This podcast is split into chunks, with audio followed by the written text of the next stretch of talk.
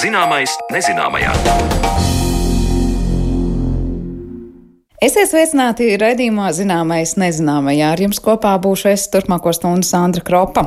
Šodien pievērsīsimies nevienlīdzībai un tam, vai un kāpēc ir pamats domāt, ka sievietes klimata pārmaiņas pasaulē ietekmē vairāk nekā vīriešus. Plašāk par nevienlīdzību runāsim raidījuma otrajā daļā, taču līdz tam stāsts no mūsu arhīvu krājumiem par sieviešu iespējām Padomju Savienībā. No kādreizējā padomju perioda nostiprinājušies vairāk priekšstatu attiecībā uz sievietes tēlu sabiedrībā. Piemēram, māte varone, kura audzina vairākus bērnus vai uzcītīgā padomju strādniece. Šķiet, ka sievietēm iespējas it kā bija gana plašas, bet ko zinām par sievietēm un varu padomju laikā, un kā sievietes tēls gāja roku rokā ar iespējām strādāt centrāla komitejā un citās varas struktūrās, šim jautājumam plašāk pievērsās Mariona Baltkalne un par šo tematu arī mūsu nākamajās minūtēs. Padomju periodā sieviete varēja braukt ar traktoru, strādāt rūpnīcā, studēt, neapšaubāmi audzināt bērnus, tātad visu. Bet tuvāk aplūkojot sieviešu reālās iespējas strādāt vadošos amatos, īpaši varas struktūrās, aina tomēr veidojas cita. Visur gan sievietes tik viegli nevarēja darboties, līdz ar to uzskats par dzimumu līdztiesību karjeras ziņā būtu mīts. Kā tas veidojies, par to stāsta Latvijas Universitātes Latvijas Vēstures institūta vadošā pētniece Daina Blējere. Nu, redziet, šeit ir divi aspekti. Viens aspekts ir patiešām tas, ka Padomju Savienībā un arī Latvijā praktiski visas sievietes strādāja, bet tādēļ, ka tas bija nepieciešams, jo vienkārši ģimene nevarēja izdzīvot ar vienu algu. Ja? Teiksim, vīrieši, kas saņēma tik lielas algas, lai varētu uzturēt ģimeni, līmeni, nu, tādu bija ļoti nedaudz. Jāsaka, arī ir vēl viens svarīgs aspekts, ka Latvijā to mēs redzam no 60. gadiem vairāk sieviešu ieguva augstāko izglītību nekā vīrieši. Neskatoties uz to, sieviešu ietekme un loma varas struktūrās patiesībā bija ļoti neliela, un ja salīdzinām, piemēram, ar rietumu valstīm, kur kopš 60. gadiem notiek izteikta teiksim, tāds sieviešu lomas pieaugums dažādās jomās. Padomju Savienībā praktiski nekas nemainās kopš kādiem 40. un 50. gadiem, kāda bija sieviešu loma nomenklatūra un vispār vadošajos amatos, tāda tā arī palika līdz pat 80. gadu vidum. Tajā skaitā arī Latvijā. Piemēram, padomju propaganda mīlēja visu laiku stāstīt par to, ka, lūk, padomju savienībā ir pirmā sieviete vēstniece pasaulē, Aleksandra Kolontaja ir bijusi, ka tas liecina par to, kādu milzīgu lomu, teiksim, sievietēm ir padomju sistēmā. Visā padomju savienības pastāvēšanas laikā bez kolontais vēl tikai viena sieviete pildīja vēstnieces amatu, un tā bija faktiski partijas darbiniece, kas tika pārsviesta uz ārlietām. Sievietes ārlietu jomā viņas, teiksim, nekādos tādos augstākos amatos nevarēja izsisties.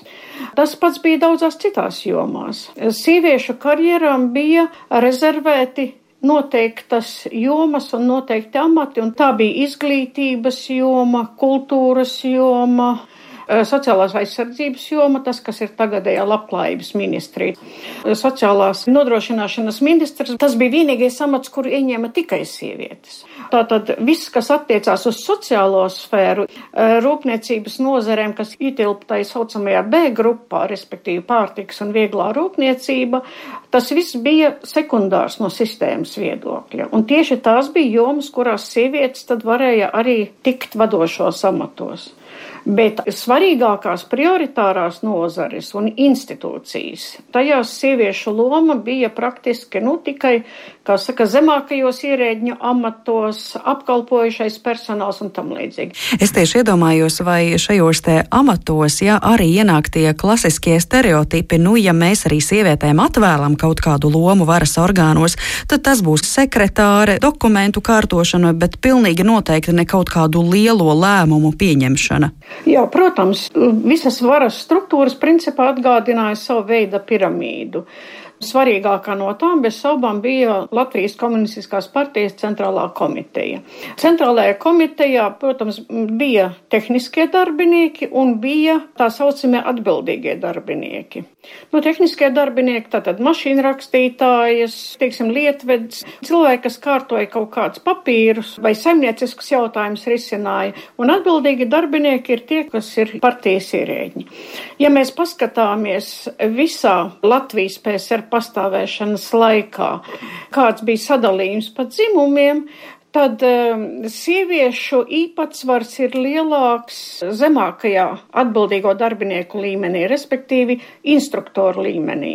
Ja mēs virzāmies pa karjeras kāpnēm uz augšu, sieviešu kļūst arvien mazāk, mazāk, mazāk, un, piemēram, Latvijas komunistiskās partijas centrālās komitejas sekretāra amatos Principā sievietes netika ieceltas. Bija tikai viena sieviete, Olga Auguste, kas četrus mēnešus, faktiski trīs mēnešus 1941. gadā ieņēma šo amatu. Nu, protams, ja mēs runājam, kāpēc tas tā notika, viens apstākļus ir tas, ka, protams, ka sievietes varbūt ir mazāk tendēts uz karjeru, tāpēc, ka viņām ir ģimene, un sieviešu karjeras lielā mērā ir atkarīgas no vīru karjerām. Nu, ja sievietes, teiksim, vīrs strādāja, piemēram, laukos, ja, nu, ir saprotams, ka viņas mobilitāte arī bija ierobežota. Otra lieta ir tā, ka Padomu Savienībā kā notika šī atlase amatos, tā notika aiz aizklātām durvīm. Augstākā priekšniecība katrā gadījumā iestādes vadība apsprieda, ko tad mēs, kā saka, varētu ielikt šajā amatā.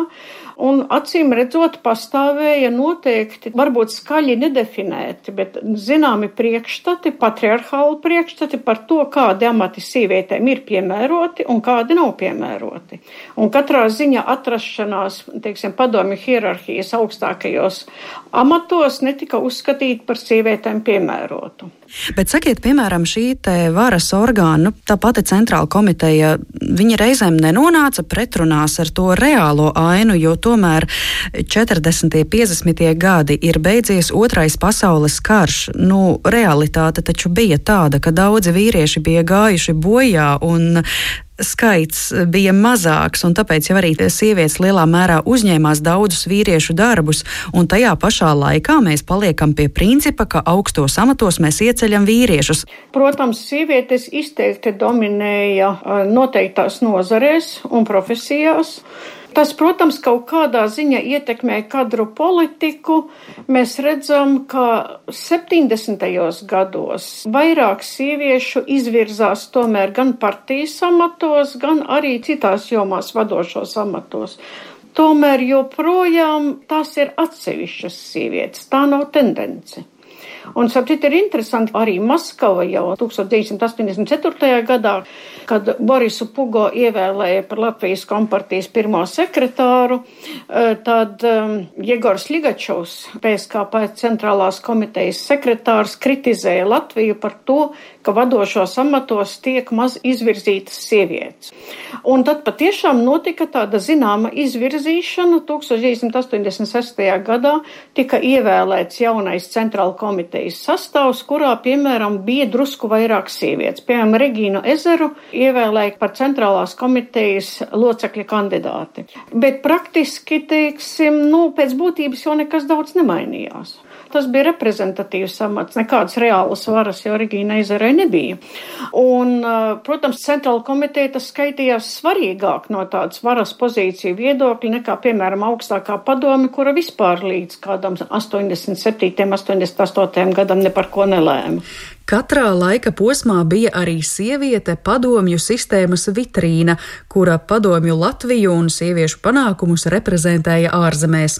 Kā tipiskāko piemēru pētniece min Viju Artmani, PSRS augstākās padomes deputāti, miera komitejas locekli. Pirms viņas šādas funkcijas veica Alise Vīndedze. Vēl būtiski, ka arī sabiedrības attieksmē valdīja pretruna, proti uzskats, ka sievietei nepieklājas nokļūt augstos amatos. Nu, ja mēs kaut vai atceramies tādas populāras padomu laika Krievu filmas kā dienesta romāns vai Maskava asarām netic, kur galvenā varone ir sieviete un sieviete, kura strādā vadošā darbā un kuras personiskā dzīve ir ļoti neveiksmīga. Speciāli parādīts, vai ne? Ludmila Pragofjevna pirmā nāk, pēdējā aiziet. Absolūti nesievišķīga un tam līdzīgi. Ja. Tas lielā mērā atspoguļo tos stereotipus, kādi pastāv sabiedrībā, arī Latvijas sabiedrībā par to, nu, ka sievietēm tomēr nav īsti labi tā pārāk censties būt karjeristēm un tam līdzīgi. Teiksim, šis potenciāls bija, bet šis potenciāls viņš tika apspiests. Viņš nevarēja realizēties padomju sistēmā. Mm. Bet vispār, ja mēs runājam par šo te padomju periodu, kā varētu salīdzināt Latviju un Baltijas valstis pašreizējās uz citu padomju republiku fonu? Nu, Baltijas republikas bija mazāks, homogēnāks Un šeit varbūt sievietēm savā ziņā bija arī pat labākas iespējas izvirzīties. Paradoxāla situācija ir tā, ka it kā sievietēm bija pat lielāka loma nomenklatūrā Vidusāzijas republikās, kurās varētu domāt, ka tās ir daudz patriarchālākas un tam līdzīgi. Kas gan ir saistīts, acīm redzot, ar to, ka Vidusāzijas republikas bija ļoti izdevīgas no tā viedokļa, lai varētu tās parādīt sevišķu zāru, kā teiksim, tādu paraugu trešās pasaules valstīm, kā padomju iekārta ir atbrīvojusi sievietes, un cik sievietes ir veiksmīgas un sekmīgas padomju savienībā. Princips, ka tā saucamajās spēka struktūrās sievietēm bija paredzēta tikai tehniska un apkalpojoša loma, bija attiecināms arī uz iekšlietu ministriju, armiju un arī padomju represīvo orgānu valsts drošības komiteju jeb čeku. Mašīna rakstītājs, telefonistes, tulces, teiksim, cik es esmu skatījusies arhīvā arī partijas sapulču materiālus, kas ir saglabājušies līdz 1959. gadam. Esmu, piemēram, nekad redzējis, ka būtu bijis kāda izmeklētāja sieviete vai vispār sievietes vadošā amatā valsts drošības komitejā. Ne arī tās priekštečos, teiksim, valsts drošības ministrijā un tam līdzīgi. Varbūt bija kaut kādi ļoti reti gadījumi, kad izdevās pakāpties pa karjeras kāpnēm, bet tie noteikti bija ļoti reti. Par dzimumu līdztiesību un iespējām sievietēm strādāt varas struktūrās padomju periodā stāstīja Latvijas Universitātes Latvijas vēstures institūta vadošā pētniece Daina Blējera, ar kuru sarunājās mana kolēģa Mariona Baltkalna. Bet par nevienlīdzību un to, vai patiešām klimata pārmaiņas varētu vairāk skart sievietes nekā vīriešus, mēs runāsim raidījuma turpinājumā.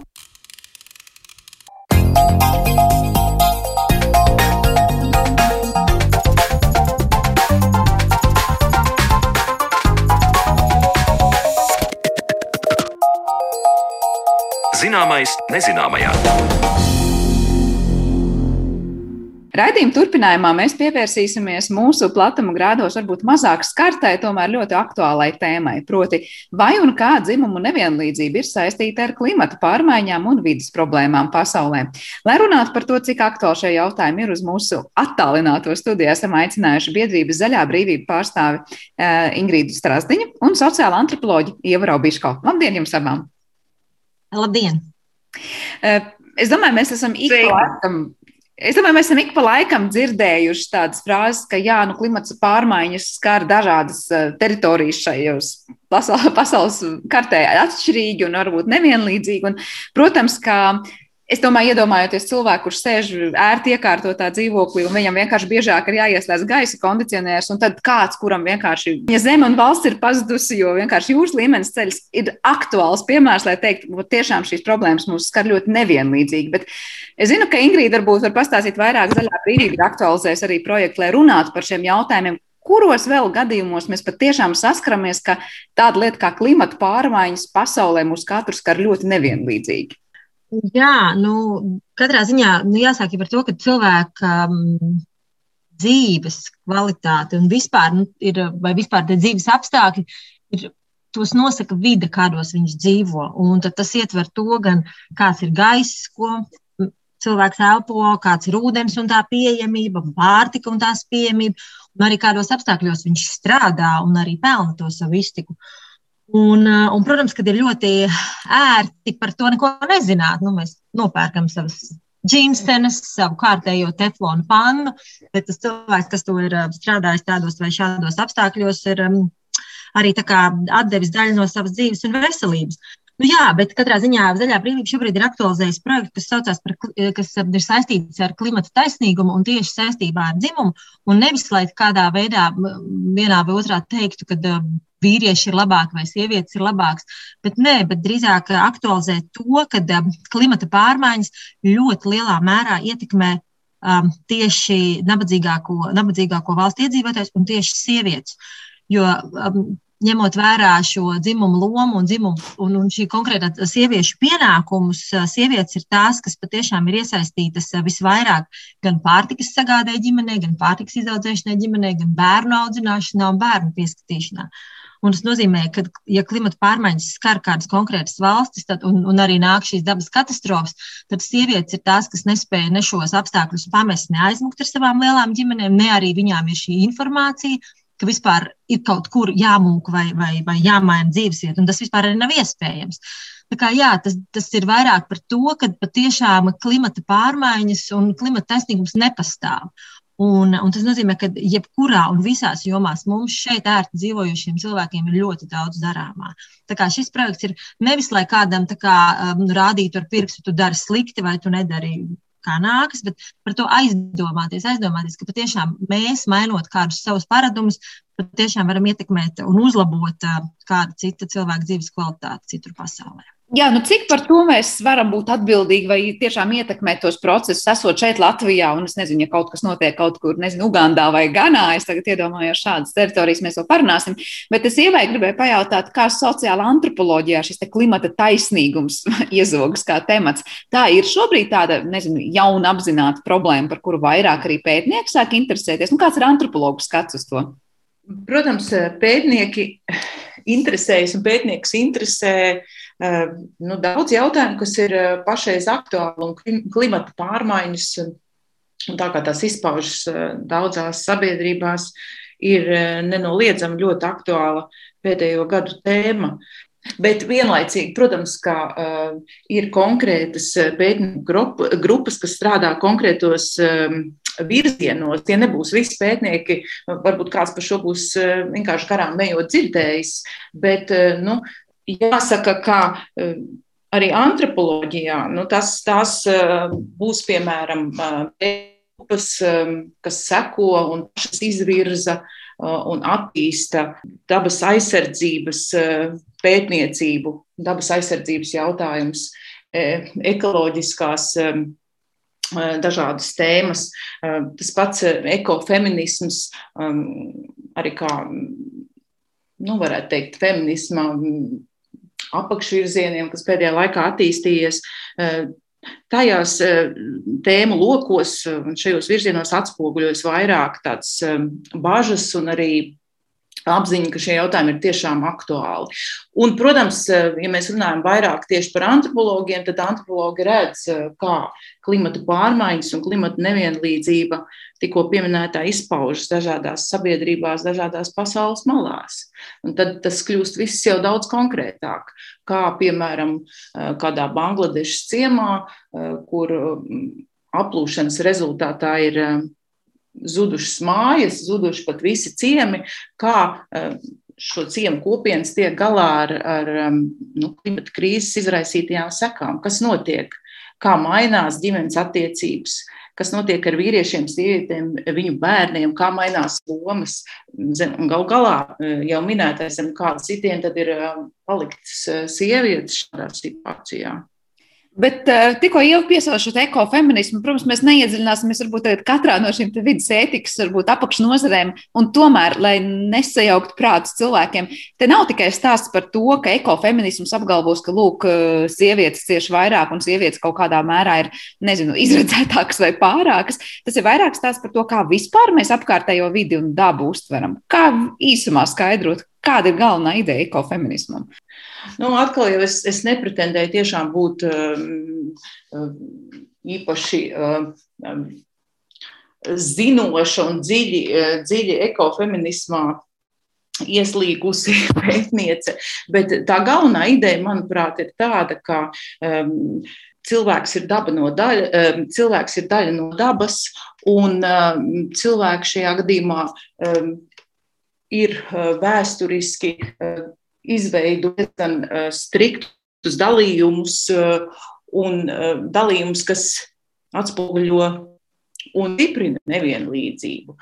Nu, konkretizējot, bieži tiek minēts, ka zinātnē dominējošais tā saucamais tā vīriešu skatījums ir nodalījis sievietes un vīriešus, un sievietes kā, kā piedarošas dabai, netik nu, pēdiņās attīstītas un tādas, kas tiek pakļautas līdzīgā veidā, kā tiek pakļauta pārējā daba dzīvnieki un tā tālāk. Tad šeit ir saistības starp um, nu, dažādiem um, apspiešanas vai diskriminācijas veidiem, bet atkal es negribu kategorizēt uh, ļoti un, un uh, kā, uh, uzsvērt tādu antagonismu, bet drīzāk Mm, teikt, ka ekofeminisms kā viens no domas virzieniem un arī mm, aktīvisma veidiem eh, mudina paskatīties uz attiecībām eh, starp cilvēkiem un dabu un, un dažādiem mm, eh, veidojumiem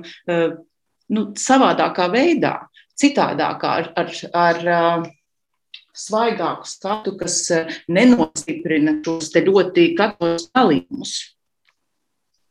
Jā, tik tālu ar ekofeminismu, kuram tiešām mēs uztveram vēlreiz, mēs nesakām vienlīdzības zīmi, runājot par to, kā mēs skaitām par šo klimata taisnīgumu, runājam. Tas, ko jūs piesaucāt abas, šos piemērus, nu kaut vai, es nezinu, Bangladešas ciems vai kāds cits ciemats kādā citā attīstības valstī, Kāpēc sievietes šobrīd, var teikt, nu, vairāk izjūt šīs klimata pārmaiņas? Tas ir tāpēc, ka to valstu, to sabiedrību sistēmas ir tādas, kas noliek viņas strādāt konkrētajās vietās vai mājsaimniecībās un tā tālāk. Vai tā ir kaut kāda, es nezinu, dzimumu nevienlīdzība un kaut kāda citi jautājumi, kaut kāda daudz augstāka un, un visaptverošāka jautājuma, kas vispār šo situāciju, šo nevienlīdzīgo situāciju rada? Ingrīda, varbūt. Jā, nu ir diezgan dažādi un, un daudz arī pētījumi, bet, protams, par visām valstīm vispārināt neko mēs nevaram runāt. Bet ir tā, ka pusi no pasaulē izaudzētās pārtikas izaudzē un saražo sievietes. Un, un, un tas ir arī tāds, bet atkal tas ienākuma līmenis tā pašā laikā parāda, ka ienākums viņas saņem tikai 10% no šiem pasaules ienākumiem. Nu, tā, tas tāds, nu, tikai tāds ļoti tāds vispārīgs, bet tā, kad, jā, kad sievietes ir, un sievietēm jau arī, es domāju, tas ir tā, nu, tas ir ielikts no tā, ka, ja ir šie bērni, tad viņas arī rūpējās par šiem bērniem. Un, uh, un, ja, jo vīriešiem, ja nav darba, ļoti bieži tad nav darba, bet sievietes ir tomēr kaut kādā veidā spiestas izdomāt, kā darīt. Bet, jā, bet uh, es nezinu par, tieši par cēloņiem nevienlīdzībai, bet varbūt mēs kādā brīdī varam arī parunāt par kādiem pozitīviem piemēriem, cik sievietes arī šādos apstākļos spēj būt radošas.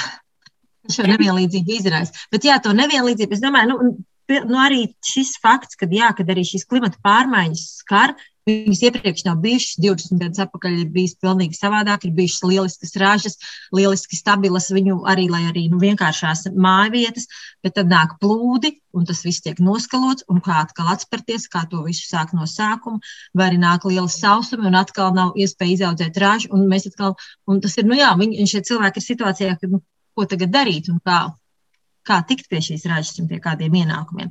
Nu, jā, bet tāda, man liekas, es domāju, ka nav tādas vienas atbildes, kas ir šīs nevienlīdzības cēloņi. Tas ir tik ļoti komplekss un ļoti samudžināts šobrīd pasaulē. Jo katra lieta ir novedusi pie, pie nākamās. Mm -hmm. Jā, vai varbūt redzējums par šiem nevienlīdzības cēloņiem? Kuros virzienos tie jāmeklē?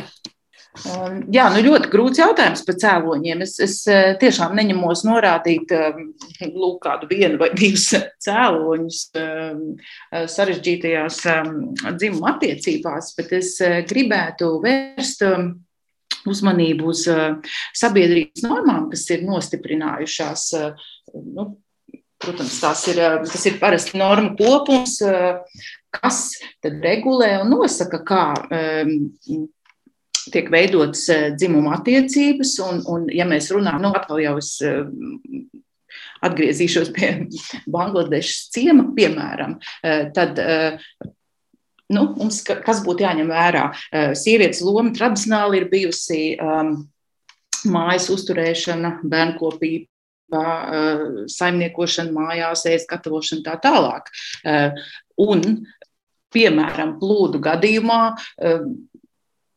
saskaroties ar vajadzību tikt galā ar krīzi, mājas saimniecības zaudējumu, sievietes bieži vien ir spiestas iziet ārpus šīs viņām tradicionāli atvēlētās mājas zonas. Protams, to arī veicina dažādā veidā dažādu nevaldības organizāciju atbalsts, starptautisko organizāciju atbalsts, eh, kas eh, mēģina iespējot sievietes, mēģina eh, kaut kādā veidā radīt iespējas viņām pelnīt pašām iztiku, audzēt kaut ko, veidot mazus, mazas mikro uzņēmumu iniciatīvas un tā tālāk. Nu, ja sievietei, jā, vai arī sievietes ir spiestas meitas Eh, ļoti bieži ir spiestas braukt uz, uz pilsētām vai, galvaspilsētu Daku, piemēram, Bangladešas gadījumā, eh, pelnīt eh, iztiks līdzekļus, kas ģimenei ir zuduši, nespējot vairs saimniekot aplūdinātās teritorijās. Tad nu, sievietes var nokļūt ļoti neviennozīmīgā pozīcijā, teiksim, veicot darbus un darot lietas, kas viņas pakļauj arī šaubām, pakļauj šaubām viņu labo uzvedību, likumību, eh, kaut kādā veidā liek apšaubīt eh, to, ko viņas atļaujas eh, jauniegotās brīvības ietveros un tā tālāk. Tātad mēs redzam, ka dabas krīzes izraisa arī sociālas pārmaiņas, varbūt nevienmēr negatīvas. Es negribētu teikt, tas vienmēr ir ar, ar mīnus zīmi, tomēr šis pārmaiņas ir ļoti sarežģīts. Vai arī e, atkal jau atgriežos pie Bangladešas ciema, e, ir dominējis diezgan daudzās vietās un kopienās, un arī Bangladešā tā sauktais pūra princips, kad, kad meitai jāgatavo pūrs, ar ko iziet pie vīra. Nu, lūk, un, un ir tā pašā laikā ir ciemi, kas upju nogulšņu vietās izveidojušies, kur šis pūra princips nav ticis praktizēts. Šādiem, šādām nu, apdzīvotām vietām izgaistot, cilvēkiem pārvietojoties uz, uz stabilākām dzīves vietām, ģimenes var sastapties ar to, ka pūra princips tomēr tiek pielietots, ir dzīves Un tad tas atkal uh, nu, pakļaus spiedienam šīs ģimenes un īpaši viņu, viņu meitas, uh, kurām pūšas atkal jāgādā. Nu, tā ir vienkārši ilustrācija tam, kā uh, sabiedriskās normas, kurās ir sakņojas un kas kaut kādā veidā turpina dzimumu nevienlīdzību, var mainīties, var pastiprināties, var izgaist. Nu jā, ļoti sarežģīts process. Jā, par to, cik ļoti šie dažādie procesi ir savstarpēji saistīti ar virkni citu atkal problēmu, par kurām mēs pat klimata kontekstā nekad, man liekas, neesam daudz runājuši. Manuprāt, nāk piemērs no atkal citas Āfrikas valsts, no Ugandas, kur e, ļoti bieži sievietes ir ar bērniem, pie tam ļoti daudziem bērniem, tur seši skaitās diezgan maz vēl, palikušas vienas, jo vienkārši tāda ir pieņemta varbūt norma, ka vīrietis nepaliek ģimenē, vai vīrietis ir tas, kurš lems, būs vai nebūs kontracepcija, un patiesībā sievietē tur nav īsti izvēles. Tas arī kaut kādā mērā noliek jau to sievieti situācijā, ka viņa, piemēram, paliek ar desmit bērniem teritorijā, kurai, nezinu, draud kaut kāds super sausums vai plūdi. Un tā jau atkal ir kā, nu, savīta lieta ar to, kas notiek vispār sabiedrībā šajās kultūrās kopā. Bet uh, vēl viena lieta par ūdens pieejamību. Es iedomājos, kāpēc eh, šajās sabiedrībās nu, tiešām tās vietas, pēc, uz kurien dodas pēc ūdens, kas varbūt ir daudz pat kilometru ar tādām izteiktām dzeltenām kannām, es domāju, nevienā vien Āfrikas valstīs redzēta ainava.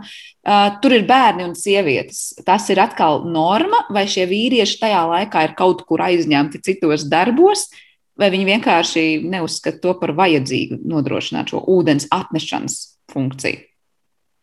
Ingrīda, varbūt tev ir kāds eh, piemērs, es zinu, ka tu ganājies, droši vien ko līdzīgu redzējusi. Kādi tur ir tie iemesli? Kāpēc tās ir sievietes, kas šo ūdeni nes un diezgan smagas, lielas kannas nes? Jā, jā, ļoti labs piemērs tev. Un, uh, es nezinu arī, kā tas ir uh, visur un citur, bet ganājis tieši arī šo esmu redzējis. Un, tas, tas, manuprāt, tas ir tiešām tas ir tāds nerakstīts sievietes pienākums nodrošināt ģimeni ar ūdeni. Jo bezdarba līmenis ganā ir milzīgs tieši vīriešiem, sevišķi tausajā sezonā. Un patiesībā vīriešus ļoti bieži ir pamanīt vienkārši esot, pēžot. Pavadot laiku sarunās, kamēr sievietes tiešām ar kanām un bērnu dodas un stiep šo ūdeni.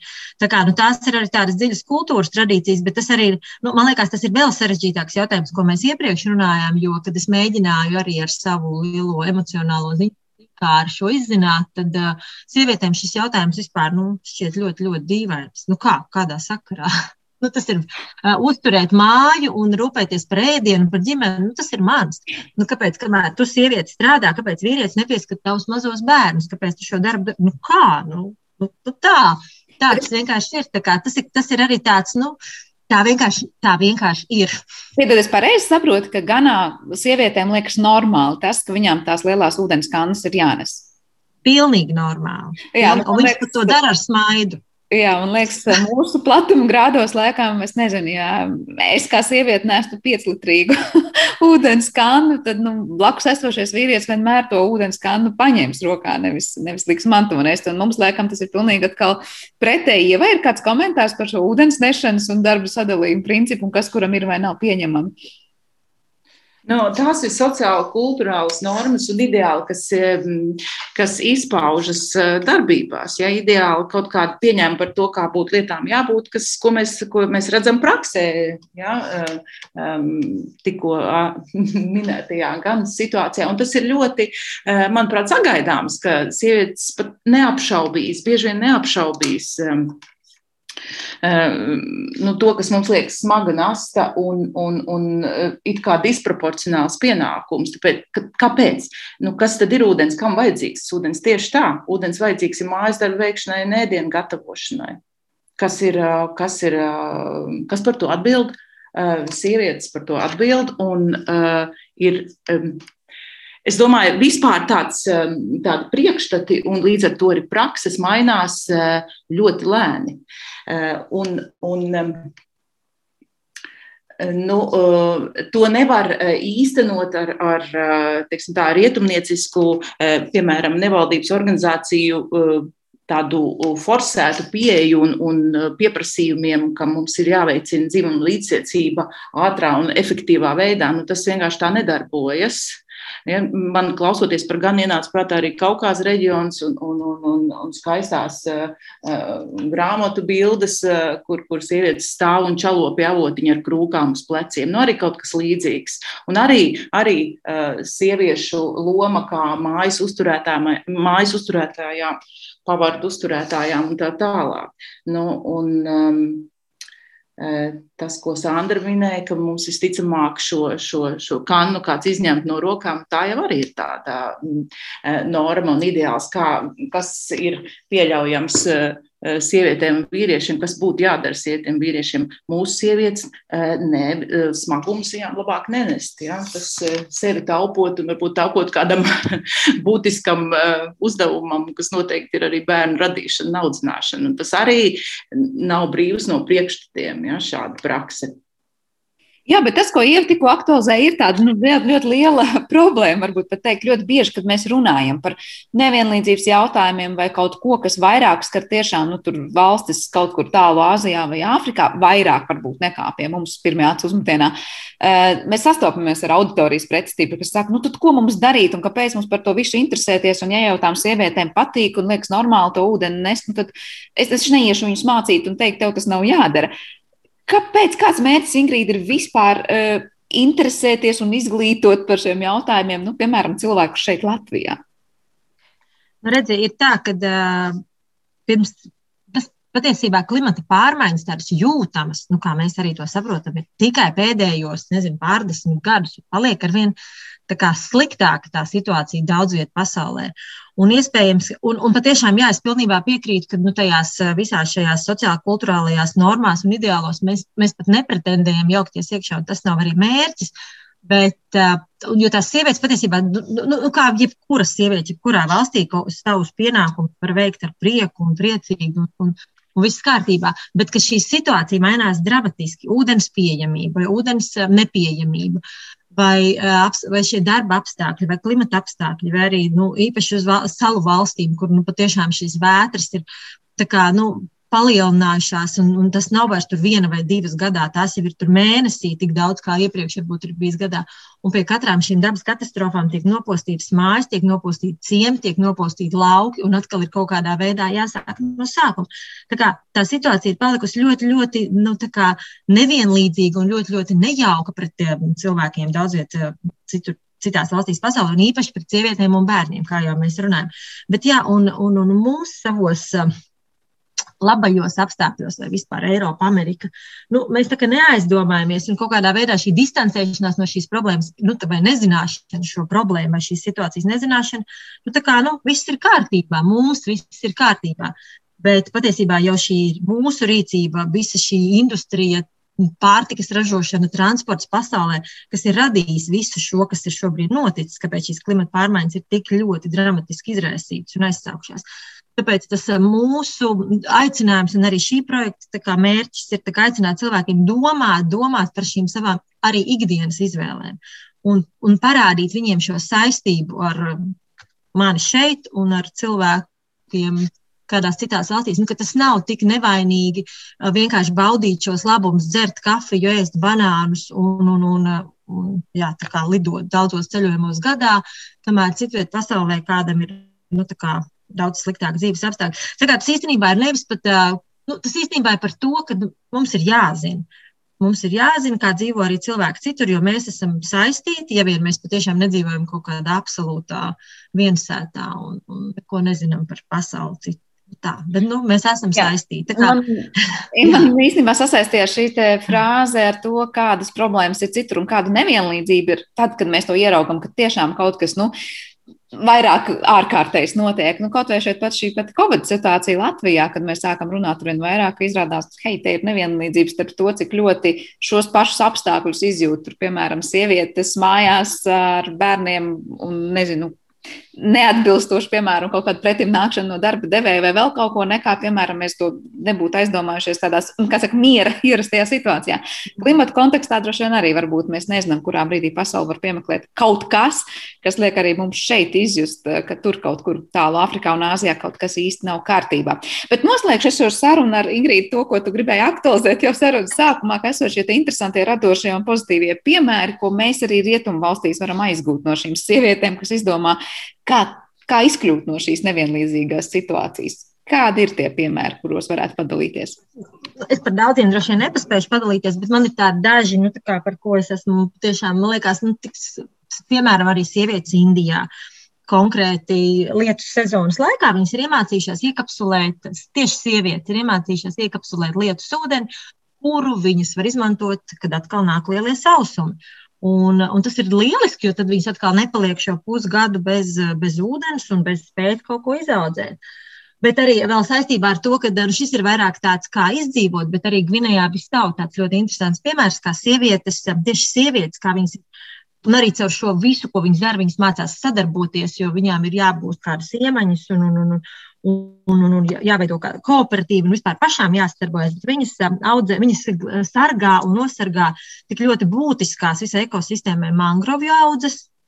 Un viņas to dara ilgspējīgā veidā, iegūstot sāli un, um, Un ko viņas vēl tur audzē? Jā, nu, patiesībā viņas ievāc sāli un audzē rīsus. Jā, viņi audzē, bet viņas to dara tādā izmantojot ļoti senas senču metodas, ka tur netiek izmantot visi šie kaitīgie kurināmie un viss, kas cits, kas parasti šādās industrijās tiek izmantots. Bet, nu, kad sievietes to dara un viņas iegūst gan sev iztiku, gan arī viņas izaudzē šos rīsus un sāli, bet viņas arī vēl patiešām dara labu šīm būtiskajām mangrovēm kā, nu, tas tāds, uz tās nots, to, kāpēc es to gribēju pieminēt, nu, kad lai cik arī tie apstākļi varētu būt skarbi un kādi, bet tas risinājums var tikt rasts un iespējams, nu, kādreiz vienkārši ir kaut kāda, jā, jāpasniedz kāda zināšana vai varbūt kāds padoms. Vai, jā. Jā, bet tāpat laikā vien, Viens no šiem piemēriem vairāk jau bija par to, kur liekas, nu, iekapsulēt šo lietus ūdeni vai savākt, kā saka, nebaltām dienām. Jā. Viens, kas liekas mūsu pašu platuma grādos, es domāju, neviens vien varbūt ne tagad tik ļoti, bet varbūt tas nu, vidēji atbild, vidas atbildīgāks to darīt. Es atceros savus vecmāmiņus, es nezinu, man bērnības gadus, kad tas bija ļoti normāli nolikt, kā saka, kaut kur, kur savākt lietus ūdeni, ar ko aplaistīt kaut kādu, nezinu, vajadzīgo dārzā. Ir jau tad šīs prakses arī tādas, varbūt, kuras mēs šajos platuma grādos gan labi zinām un piekopuši esam, bet ir tāds labi aizmirsts vecais viss. Jā, bet arī ļoti labi ir um, vispār zināt, zināt, kas notiek citur un interesēties par to, kas notiek. Protams, nu labi aizmirsts vecais, nu tas daudzās jomās tagad parādās. Kā, jā. Mm -hmm, bet par mangroviem, protams, tas asociēs ar kaut kādu mūsdienās, varbūt sauktu kā aprits ekonomikas vai kādu citu projektu, kur vienkārši domā, kā vēl, kā vēl izmantot no kaut kā glābjot vienu, iegūt kaut ko citu. Ievēju tad noslēdzošais vārds par visiem šiem jautājumiem, ko mēs tikko ar Ingrīdu pārspiedām, arī vairāk par to, nu, kāpēc mums Latvijā par to vairāk, nezinu, aizdomāties un runāt, jo no vienas puses, nu, pateikt, nelido atpūsties uz kādu siltu valsti tikai tāpēc, ka kādam citam, pilnīgi citā sabiedrībā ar kaut kādām viņiem saprotamām vai nesaprotamām kultūra atšķirībām kaut kas ir vai nav pieņemami. Nu, liekas, kāpēc man savas izvēles būtu jāpārorientē? Jā, klausoties e, e, Ingrīdas iepriekš teiktajā, es domāju, ka tādi divi izvirsās divi tādi lieli mums uzdevumi un izaicinājumi. Um, nu, kāpēc? Pirmkārt, ja, kā jau Ingrīda minēja, nezināšana būtu jāmazina. Un nezināšana tiešām neatbrīvo no atbildības. Ja, mums ir ļoti ērti nezināt, kas kaut kur citur notiek. Tā pašā laikā mēs taču visi saprotam, mēs nevaram noliegt, ka mēs esam globāli saistīti. Nu, mēs katrs esam kaut kādu globālu attiecību un darību tīklos, vienalga, ko mēs pērkam, eh, vai mēs kaut kur braucam, lidojam un tā tālāk. Un, un tad, eh, nu, kā turisti kaut vai aizlidojot, mēs kaut ko uzzinām, esam šokēti vai, vai abrīnas pilni un, un izbaudām dažādas emocijas. Bet varbūt mums vajadzētu padomāt tā, nu, ja mēs ja mēs kaut kur dodamies, gūstam kaut kādas jaunas iespējas, zināšanas, emocijas, tad mēs kaut ko iegūstam. Varbūt mums būtu jābūt gataviem vienkārši arī dot kaut ko pretim. Ja, mēs, mēs baudam un ņemam, varbūt kā nu, mums arī vajadzētu būt, būt kaut kādā veidā nu, gataviem kaut ko atdot vai kaut kā dalīties. Un tas tā dalīšanās jau ir netieši, protams. Ja? Mēs, mēs nevienmēr varēsim kaut kādā veidā izsakot, kam un ko mēs tiešā veidā ietekmējam. Bet ir skaidrs, ka nu, mums arī ir kāds pienākums šeit. Un, un otrs, runājot par labi aizmirstu veco, es gribētu atsaukties uz Jamesu Skotu, antropoloģiski ievirzītu politologu, kurš ir uzsvērs tādu lietu mums, un, un domājot arī par, par kaut vai par par tālām zemēm, vietām, sabiedrībām es arī negribētu tikt pārprasta tādā ziņā, ka es domāju, ka liks, liksim mierā cilvēks ar savām normām, tradīcijām un tā tālāk. Nē, Džeims Skots aicina apzināties un atbalstīt vietējās zināšanas. Un mēs varētu paplašināt to vietējās iniciatīvas. Tātad pārmaiņas notiks eh, veiksmīgi eh, tad, ja tajās liks, likts, tiks liktas lietā tās atziņas, kas ir dzimušas vietēji, tās, kas ir vai nu pārmantotas, vai attīstās, tiek atrastas no jauna. Tas pats attiecināms arī uz mums pašiem šeit. Un, un, bieži vien izrādās, ka tāds labi aizmirsts vecais vai jaunatrasts kaut kas eh, ir ļoti efektīvs un, un palīdz mums eh, saglabāt mūsu dzīves vidi un pat uzlabot to. Tā kā jā, būsim iesaistīti un uh, nenolieksim vietējas zināšanas. Tas ir mans tāds kopsavilkums. Un papildinot šo skaisto kopsavilkumu, gribu teikt, ka labi, viens risinājums ir nenoliksim vietējās zināšanas, lai notiktu kaut kādas tur turienes pārmaiņas un tiktu risināts problēmas. Pastāv arī uzskats, ka vides problēmas, viss tas, ko mēs saucam ar ilgtspējības problēmām, nevar tikt atrisināts, ja mēs neno, nu, nemazinām to nevienlīdzību, cik ļoti tas dažādas šīs grupas un, un reģionus skar. Tā kā tas vēl pierāda to, ka arī nu, tā pragmatiski sakot, mūsu pašu interesi interesēs mazināt vidas problēmas, ir arī palīdzēt mazināt to nevienlīdzību, kas valda pasaulē. Lielas paldies jums abām par šo sarunu. Es atgādināšu, ka mūsu attālinātajā studijā šodien viesojās biedrības Zaļā brīvība pārstāve Ingrīda Strasdeņa un sociāla antropoloģija Evro Biško. Ar to arī šīs raidījums ir izskanējis. To producēja Sarmīta Kolāte par mūziku parūpējās Girds Bišs un ar jums kopā bija Sandra Kropa. Lai mums visiem jauka diena un mēs tiekamies jau atkal rīt. Vislabāk!